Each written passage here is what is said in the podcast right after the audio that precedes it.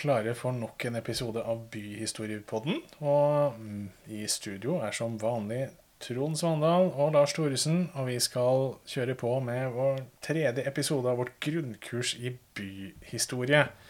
Intet mindre. Intet mindre. Forrige gang så avslutta vi med å bygge ferdig en festning. Det var jo en, det var et ærlig dagsarbeid, det. Men i dag skal vi ta festningen i bruk. Og da er vi brått kommet inn på 1700-tallet. Og vi kaster oss med liv og lyst ut i krigen. Det gjorde jo mange før i tida. Man var glad i krig og så ofte optimistisk på muligheten en krig kunne gi. Men en krig fikk også store konsekvenser, og det så vi også under den store nordiske krig på tidlig 1700-tall. Og da kom jo endelig festningsbyen for alvor i bruk. Eh, og, men først Store nordiske krig, hva, hva, går den ut på, Trond? Ja, den går jo også ut på makt i Norden og revansj fra tidligere kriger. Eh, kort fortalt.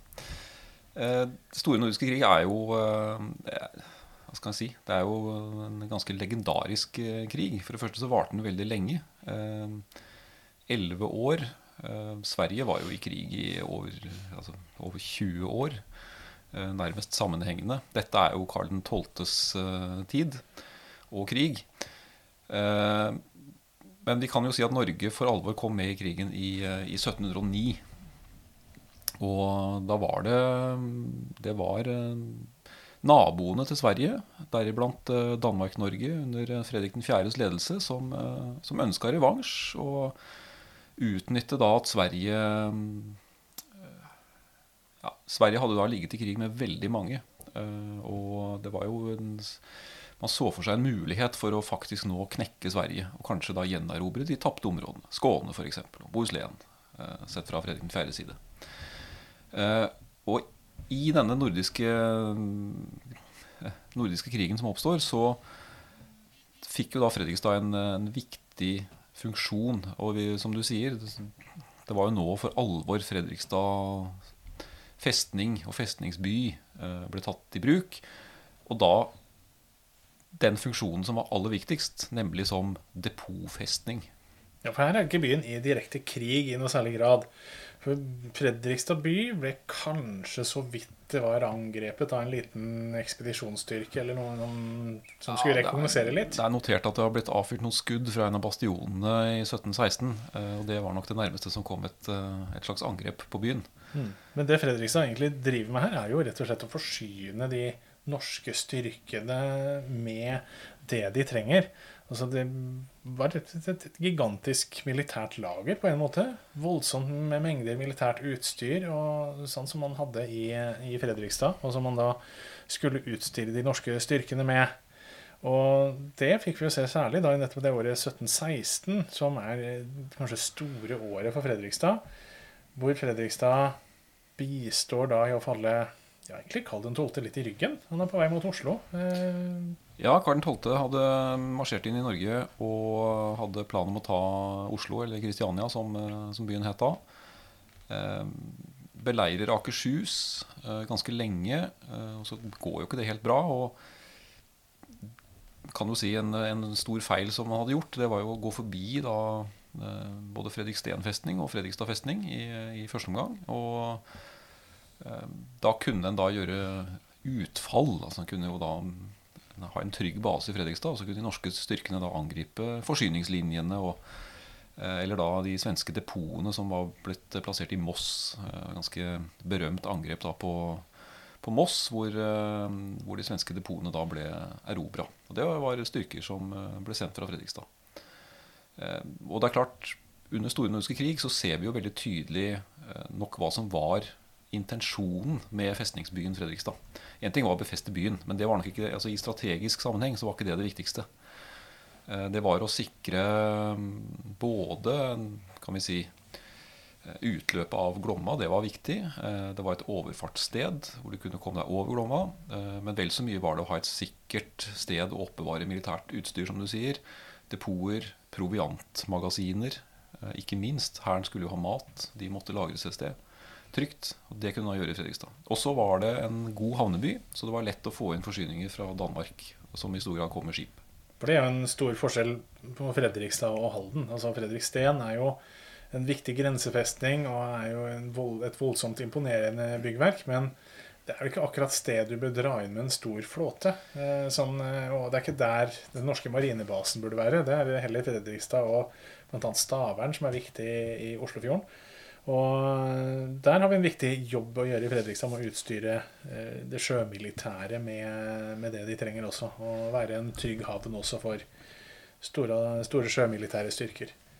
Ja, og det ser vi jo, ser vi jo eh, absolutt under store krig. Eh, vi har en ikke helt ukjent admiral, en sjøhelt, som opererer en del fra Fredrikstad, i, særlig da i 1716 og 1717. Nemlig, kan det være Tordenskjold, ja? Det kan være Tordenskjold, ja. uh, som jo har blitt legendarisk i byens historie. Uh, men som brukte Fredrikstad som en uh, viktig base. og det er klart, som du sier, det å utruste En ting var hæren som skulle ha sitt, og soldatene skulle ha mat. Men, men store krigsskip de krevde jo også enorme mengder forsyninger. Og de måtte forsynes når de var i havn. Og det er jo noe vi har eksempler på fra Fredrikstad også at det, at det da ble gjort. De skulle ha vann og øl og Hele den pakka der skulle de ha. Eh, men OK. Eh, Tordenskjold han er jo mest kjent for dette slaget ved Dynekilen. da, eh, Hvor Karl den 12. har kommet seg over denne tabba med å gå forbi Fredrikstad og Fredriksten. Og så skal han da virkelig få tatt rotta på Fredriksten. Og da ligger jo svenske, den svenske flåten med sine forsyninger i Dynekilen. Et sted vi vanligvis kjører litt forbi på vei til harrytur i Sverige. Den, nå er jo ikke det mulig akkurat nå, da, sånn uten karantener. Men, eh, men eh, Dynekilen, der skulle man dra forsyninger over til de svenske styrkene som da var på vei inn mot Halden. Ja, og dette var jo da sommeren 1716. Uh, det er ikke sikkert at så mange av lytterne våre har vært inne i Dynekilen. Men uh, der hadde man jo sendt opp en ganske stor svensk forsyningsflåte som du sier, fra, fra Göteborg. Med kanoner og ammunisjon og det han trengte da for å, for å gjennomføre beleiringa. Dynekilen er jo en, en, lang, smal, liten fjord. Uh, der tenkte svenskene at der lå de ganske trygt. Uh, det var ingen som kunne komme seg inn dit med krigsskip og angripe dem. Det gjør Tordenskjold, da. Eh, en, en, dramatisk og ganske spektakulær manøver.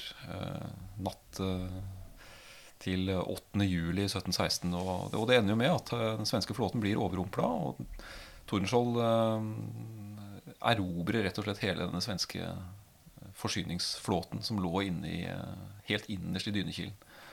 En helt uh, ufattelig manøver. Tar med seg masse krigsbytte, krigsskip, bl.a. en ganske stor Eh, skip som ble kalt for eh, Stenbokken, tilbake til Fredrikstad. Og Da blir det fullt i, fullt i festningsbyen Fredrikstad med krigsbytte. Og Stenbokken er jo kjent, for den blir jo liggende her veldig lenge. Og brenner jo først opp i mer moderne tid, når den blir, eh, lider et litt sørgelig endelikt ja, Sten, Stenbokken er jo en fascinerende historie som vi, som vi, kanskje skal komme tilbake til i en, eh, en, senere episode. Vært en egen episode av Byhistorie på den, men, men man tar det og, og retter et ordentlig slag mot svenskene der. Altså man tar, tar mye av forsyningsflåten deres og ødelegger den. Ja, og vi ser jo også at resultatet viste seg kort tid etter. Da oppgir jo Karl 12. beleiringa av, av Fredriksten. Da hadde byen Halden blitt uh, eh, erobra. Der hadde borgerne brent ned byen for å hindre, for å hindre svenskene. Så en veldig dramatisk historie i Halden i, i 1716. Og dem som kan sin 'Ja, vi elsker', vet jo da at Fredrikshall, eller Halden, er da den eneste byen som er nevnt i nevnt i 'Ja, vi elsker' i et av de versene som ikke synges ofte. Men uh, den kan man jo sjekke opp og se på når Halden er nevnt. Det synges nok oftere i Halden enn andre steder i landet. Det gjør det nok. Men Halden skulle jo få en uh, sentral historie et par år senere, i, uh, under den store nordiske krig. For da kom jo Karl 12. tilbake. Ja, og da er det jo nettopp uh, Fredriksten festning som er det første sentrale målet.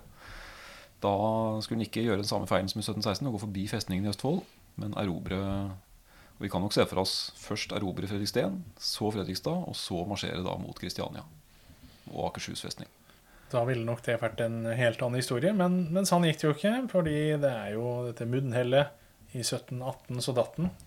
Ja, det, det gjorde den, og med det så var ikke en stornordisk helt over, men i praksis så var den over med, med Karl 12.s fall. Men det er jo først i 1720 at det da blir fred mellom, mellom Danmark-Norge og Sverige. Og da detter Tordenskjold i en duell, den Ja. store sjøhelten. Da er jo på mange måter denne veldig lange og dramatiske krigsperioden over. Og da går vi inn i en litt sånn mer fredelig periode etter det. For da, da er på en måte disse store krigene mellom Sverige og Danmark over for en god periode. Da må vi helt fram til 1814 før vi egentlig får en ordentlig krig mellom Norge og Sverige, som er i hvert fall av en viss størrelse, da. Ja, da er det jo, da er det jo Napoleonskrigen, og det er, det er jo egentlig en annen historie. For da, da var det ikke lenger denne store maktkampen. Da var det den store europeiske alliansepolitikken som grep inn også i Norden. Men etter 1720 så var jo Sverige blitt kraftig redusert. Eh, Var ikke lenger en europeisk stormakt på samme måte som på 1600-tallet. Og, eh, og det var mer likevekt mellom eh, Danmark og Sverige. Da, ja, for nå hadde Sverige vært på offensiven en god stund, og med flere krigerske konger, og hatt ganske grei suksess med det. Karl den 12. er vel krigerkongen framfor noen, men eh, det gikk jo ikke så bra med han, og han førte jo til en del tap av landområder, og det var ikke alt som var bra av det han gjorde sammen for Sveriges del, skulle det vise seg etter hvert. Men eh, da går jo også Fredrikstad inn i en ny periode i byens historie på en måte. Da har man vært gjennom en stor krig, og eh, nå er det egentlig ganske fredelig helt fram til vi kommer tidlig på 1800-tallet. Ja, 1700-tallet etter store krig er jo egentlig den, den lange fredens eh, hundreår. Det er jo eh, i hvert fall nesten, eh, nesten 90 år med fred, eh, med noen få korte, små unntak. Men eh, dette blir en periode med, hvor Fredrikstad jo eh, absolutt er en festningsby fortsatt. Det er, eh, de militære dominerer kraftig på 1700-tallet, det er ikke det. Men vi ser jo også at det er en tid for eh, vekst i handel og annen virksomhet. Og, og det er klart krigen er fjernere. Selv om de militære er her, så er de, dette er en fredelig tid. Eh, Men absolutt eh, mye dramatikk, også i en eh, by som Fredrikstad.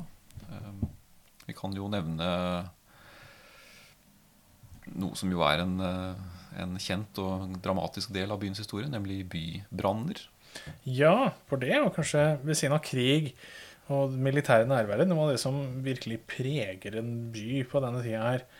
Og bybranner er ikke noe nytt. Vi rakk vel et par bybranner allerede nesten før byen ble etablert. Eh, 1567, så eh, det går ikke lang tid før byen brenner, eh, både, eller blir brent eh, både første og andre gang. Og hele byen starter jo egentlig med en brann også. og det er mange branner også utover, eh, utover 1600-tallet som eh, får stor betydning for borgerne her. Eh, og er, det må være ganske voldsomt for en, på den tida her, hvor man ikke har så mye forsikringsselskaper og sånne ordninger. Plutselig gang på gang skulle bygge opp virksomheten sin fra, fra Aska. Eh, Ja, det er jo eh, også en eh, nesten umulig å sette seg inn i i dag. Men vi har jo en periode på slutten av 1600-tallet og begynnelsen av 1700-tallet hvor byen brenner sånn nesten hvert tiende år. Og da kan en jo se for seg hvor vanskelig det er. Man har nettopp klart å bygge ting opp igjen, og så kommer det da en ny katastrofal brann. Hvor nesten hele byen brenner ned hver gang. Så altså, bybranner eh, eh, Det er noe vi med god grunn hører mye om i byhistorien. Og de har vært eh, definitivt med på å forme Fredrikstad gjennom historien. Og det kan jo folk legge merke til. altså Når du går rundt i gamlebyen, så vil du se at det er ikke så altså Selv om byen er fra 1567, så vil du slite med å finne noen bygningsrester i noe særlig grad. Det må være en eller annen sted, gjennom grunnmur et eller annet sted som eh, kan dateres eh, Kan ha blitt lagt på plass eh, i 1567 eller der omkring. Men de fleste bygningene er av langt nyere dato, og det er særlig da denne store bybrannen i 1764 som er den siste totale bybrannen, hvor da de aller fleste bygningene i Fredrikstad må bygges opp etter det. Det er noen få unntak. Grunnmurede proviantmagasinet klarer seg, et par kruttårn klarer seg, og noen elementer av et par andre bygninger blir igjen. Men i all hovedsak så må hele byen bygges opp på nytt etter 1764. Og det inkluderer kirken, det inkluderer alle militære bygninger ellers. Ja, og vi kan jo eh, med god grunn si at eh, den, den gamle byen vi kjenner i dag, den blir til eh, etter bybrannen i 1764.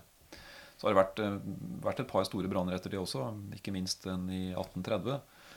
Men mange av gårdene, altså tomtene som gårdene står på i dag, mange av grunnmurene og som du sier, altså de store militære bygga som dominerer i dag, kaserna på Torvet, Tøyhuset de bygges opp etter denne brannen. Kirken i sin nåværende form. Så det var en voldsom byggeaktivitet eh, i åra etter, 1770-1780-åra, eh, hvor en hel by skulle gjenoppbygges. Og den, den satt eh, dype spor. Også en veldig eh, spennende og ganske dramatisk historie, den hele gjenoppbyggingen etter denne brannen. Én ting var at det var en katastrofebrann, men det oppsto ganske fort eh, en eh, strid mellom de militære og sivile myndighetene om byen eh, skulle bygges opp igjen, rett og slett, innafor vollene. Militæret ønska nå rett og slett å gjøre Fredrikstad om til en, bare en festning. Mm. Og få den sivile byen ut. og det medførte flere år med strid, hvor borgerne ikke fikk tillatelse til å gjenoppbygge. men etter om lag tre år så, så måtte de militære gi seg. og byen fikk lov å gjenoppstå innafor vollene. Samtidig som du sa, er jo også 1700-tallet det århundret hvor byen også for alvor oppstår utafor vollene. Fordi vi har jo hatt Vaterland, som var et område sør for, uh, sør for uh, festningsbyen, som da tidlig ble bebygd. Men nå begynner man også å bygge på motsatt side av elva. Det er nå vi får virkelig forstaden som eh, lenge blir forstad, nemlig den dagens bysentrum på vestsiden, begynner så smått å titte fram. Og det er jo en, også en veldig stor endring i byens historie, som begynner da på 1700-tallet, hvor byen vokser ut av disse festningsrammene og etablerer et liv også utafor festningen, forholdsvis trygt unna festningen også. Ja, og her har vi jo virkelig kimen til eh, den eh, den moderne byen Fredrikstads eh, historie. Den begynner på 1700-tallet, som du sier. Og denne forstaden, eller som vi ser på enkelte tidlige kilder, et område som heter Hestehagen. Eh, omtrent eh, ja, sånn rundt der hvor Stortorvet ligger i dag, og Storgata går. Der begynner det tidlig på 1700-tallet å vokse fram en viss bebyggelse. Og blir jo da til en forstad. Begrepet forstaden, eller forstaden, det har jo levd helt opp i vår tid.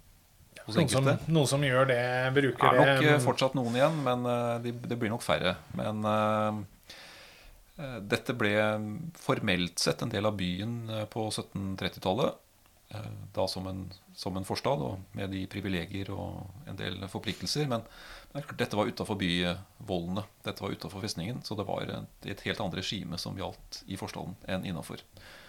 Det var lettere å drive handel, var mindre begrensninger. Eh, kortere vei til havna ved Gressvikfloa. Så mye lå til rette for at det, det skulle skje ting i forstaden. Mm. Så byen utvides, får nye, nye marker å kaste seg over. Så det ble et nytt kapittel i den sivile byens historie. Eh, men fortsatt så er jo Fredrikstad en festning. Og det er jo det som preger mye av det som skjer videre i byen òg. Det, det, skjer jo ikke så mye før napoleonskrigene tar til, eh, men vi har en liten krig. da, Tyttebergkrigen er det mange som har hørt om ofte. Den ja. preger kanskje ikke byen vår så mye, men den dro ut herfra. da. Vi kan kanskje nevne den. Nei, Den satt nok ikke et uh, dypt preg på byen, men uh, det var nok uh, dramatisk nok da det sto på i 1788. Det var jo en, en, en, merkelig krig, må jo sies. Eh, det var rett og slett en liten alliansekrig hvor, hvor Sverige hadde havna i krig med Russland. Den svenske kongen Gustav 3. ønska å gjenerobre noen tapte områder i Finland. Det gikk ikke spesielt bra, men eh, Danmark-Norge var alliert med Russland, så vi skulle sende noen, noen hjelpetropper Eh, inn i denne krigen. De ble da sendt fra Fredrikstad inn i Bohuslän. Der skjer det veldig lite. Og det ender egentlig bare med at de norske troppene må trekke seg tilbake på høsten. Og noen sier at da spiste de tyttebær på vei hjem. Derav navnet på krigen. Ja, det var vel ikke eh, først og fremst de falne som prega den eh, krigsaksjonen der. Det var mer sykdommene som kom etterpå. At det var vesentlig flere som døde av sykdommer fordi man bodde så tett på hverandre, og sykdommer spredde seg ofte lett i militærleire og rundt omkring i hus hvor disse militære måtte bo da, og innkvarteres. Så Ja, og det ser vi jo da de kom tilbake til Fredrikstad på høsten, så blir jo mange av de Ja, blant annet den nye kaserna på Torvet. Blir jo brukt som lasarett, og det dør jo mange, mange i Fredrikstad den høsten. Så det har vært dramatisk. Eh, men viser også en viktig del av funksjonen til en festningsby, da, som Fredrikstad var. Og så antyder jo litt det nye med krigen her nå. nå det, du kalte dette en alliansekrig, og det er jo i aller høyeste grad også den neste krigen, den virkelig store krigen som gamlebyen blir involvert i. Eh, nemlig napoleonskrigene. Utkanten av napoleonskrigene blir vi jo trukket inn i etter hvert. Og i motsetning til under den store nordiske krig eh, og den viktige funksjonen Fredrikstad fylte der, så, så lykkes man vel ikke like godt eh, i krigen i 1814 som man gjorde i 1716 f.eks. og andre viktige år under den store nordiske krig. Nei, Napoleonskrigene ble noe, ble noe, helt annet, og forutsetningene hadde jo forandra seg veldig også. Eh, nå skal det jo sies at eh, de siste sånn, par tiåra av 1700-tallet var jo en, eh, var en ganske gyllen tid. En blomstring for handel og sjøfart. og Mange skapte seg store formuer. Det ser vi for så vidt også i Fredrikstad. Det var en del rike kjøpmenn som kom til da. Eh, men eh, så kommer jo den store europeiske krigen, napoleonskrigene. De kommer jo også til, eh, til, Danmark og Norge i 1807. Og Britene angriper København og tar med seg hele den danske flåten. Det var jo et katastrofalt nederlag. Og vi trekkes inn i krigen. Og det bryter ut krig med Sverige i 1808-1809. Men det er jo 1814 som er det virkelig dramatiske året for Fredrikstad. da. Hadde man vært igjennom år med hungersnød og matmangel og epidemier og det ene verre enn det andre, eh, og så kommer da krigen for alvor. Eh, for dette er jo, det, det er jo nødsår i eh, mange av disse åra før 1814. Dette diktet, flotte diktet om Terje Vigen er jo blitt til i denne tida her, og det går jo ikke så godt med Terje Vigen og familien hans. Og det er jo nettopp under disse nødsåra hvor det er blokade i sjøen utafor Norge. Altså, vi får ikke korntilførselen vi trenger. Vi klarer jo ikke å produsere den maten vi, vi, vi trenger sjøl. Og midt oppi det hele her så skal jo da Fredrikstad tjene en funksjon som en slags depotfestning. Vi skal utstyre militærskip. Det fantes ikke så mange av dem lenger nå. fordi det hele den dansk-norske flåten, i hvert fall mye av den, var jo blitt borte i 1807. Når ja. britene stakk av med en. Det, det, det, stemmer. Det var, eh, det var, egentlig bare to store krigsskip igjen. At, grunnen til at de ikke ble tatt, var at de lå i Norge. Og de ender opp i Fredrikstad. De ender opp i Fredrikstad, i hvert fall innom på besøk her en periode. Og for, her skal vi ta fram et eksempel som viser litt hvilke dimensjoner det er på denne, denne utstyrsjobben man må gjøre eh, i Fredrikstad. Man skal da utstyre disse skipa med det de trenger. Og må huske på at dette er en by med kanskje drøyt 1000 sivile borgere. Og ja. Eh, 1200 hvis du tar med forstedene. Så det var jo, det var jo der omkring. Og midt oppi det hele så ligger Fredrikstad festning, og det kommer da en, eh, et stort skip, bl.a. prins Christian Fredrik, som da het dette skipet. 600 i mannskapet, og de skal ha med seg ganske mye for å klare seg eh, i seks måneders tid. Og her skal vi nevne noe av det de da skulle ha med seg når de dro fra Fredrikstad. Det skulle skaffes 11,5 tonn salta flesk. Det skulle være da 14 tonn salta oksekjøtt, 5 tonn smør, 11 000 liter byggryn, 3,5 tonn brun sirup, 2 tonn svisker. Og så var det også behov for da 900 kg grønnsåpe, og man trengte lys. Man trengte 3 kvart tonn metalllys, og skipet skulle dessuten ha noen liter vineddik. 4500 liter brennevin og selvfølgelig da 85 000 liter øl.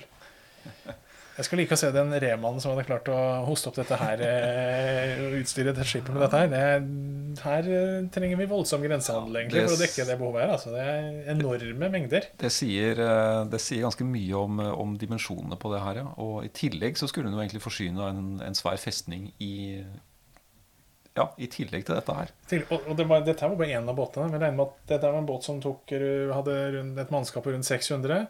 Samtidig var det en båt til som var nesten like svær. Og ja. man hadde noen flere småbåter, så man tror kanskje at akkurat i denne perioden her så skulle man da utstyre disse ja, mannskap på 1500 mennesker med med det de trengte. Så det må jo ha vært eh, Du kan jo nesten gange denne mengden her med tre for å gi dem det de trengte. Det er ganske store dimensjoner på det denne lille festningsbyen faktisk skal bidra med. Ja, det er det. Og det var et, et, enormt maskineri i gang for å klare å få til dette her. Ehm, det kan på mange måter si at eh, festningen også var en slags militær fabrikk. Her var det, det var bryggerier, og det var bakerier, og det var eh, store lagre. Da. Eh, men det er klart det var en, en enorm eh, aktivitet i de åra her. Og aktivitet var det også på krigsfronten etter hvert i Norge. Vi var jo lenge prega av krigen, men ikke sånn direkte deltaker i krigen. Men når Kiel-traktaten blir en realitet i vinteren 1814, i januar 1814, så må danskekongen avstå Norge til svenskekongen. Og det fører jo da etter hvert også til eh, at vi løsriver oss fra svenskene. Vi har ikke lyst til å være i eh, union med svenskene. Det passer godt at den eh, dansk-norske kronprinsen Christian Fredrik var i Norge på den tida her. Hadde jo kommet inn til Norge via Hvaler året før. Og han sitter på Eidsvoll og klarer da å bli valgt til norsk konge 17. mai 1814.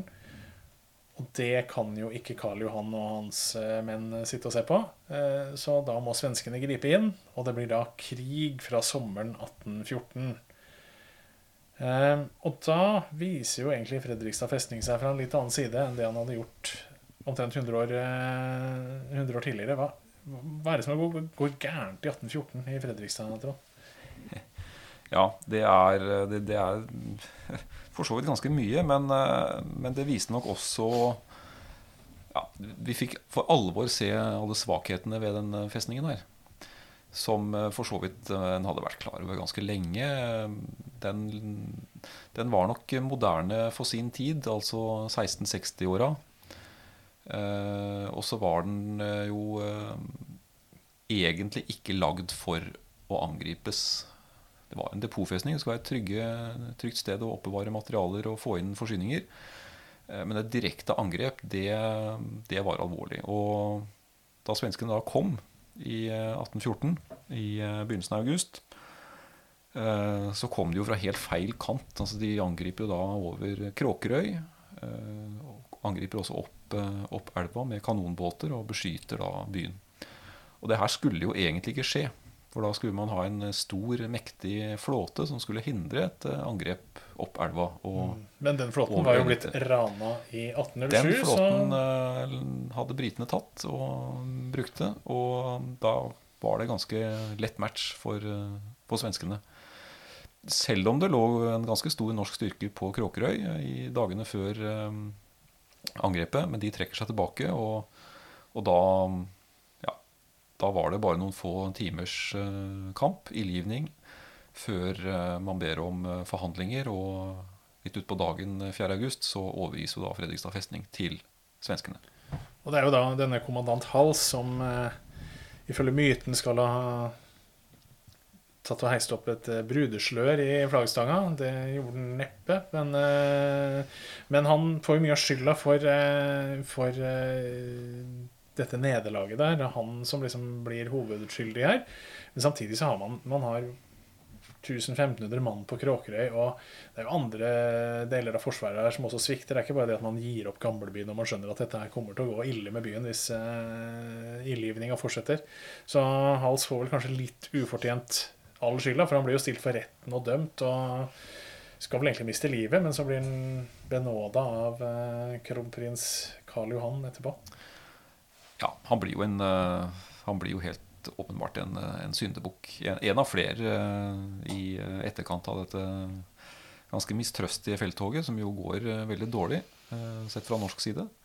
Eh, nå må vi vel si at eh, Fredrikstad som festning ikke ble levende av de helt store eh, mulighetene. Og vi kan se gjennom hele våren 1814 så tømmes jo lagrene og depotene i festningen. Og det var nok ingen som heller trodde at byen skulle klare seg veldig lenge. Men at det skulle bare ta noen få timer, det var nok litt for lite.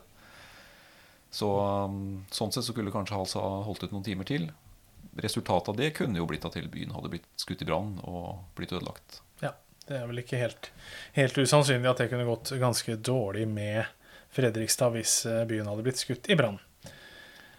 Ok, Hals må overgi byen, eh, og da kommer svenskene inn her. Da får vi jo en tid med ja, regelrett svensk styre i Fredrikstad. Rett og slett. Eh, og det er en ganske, egentlig ganske lite kjent del av byens historie. Men i tre kvart år etter da 4. august så er byen rett og slett eh, styrt eh, av svenske militære okkupanter.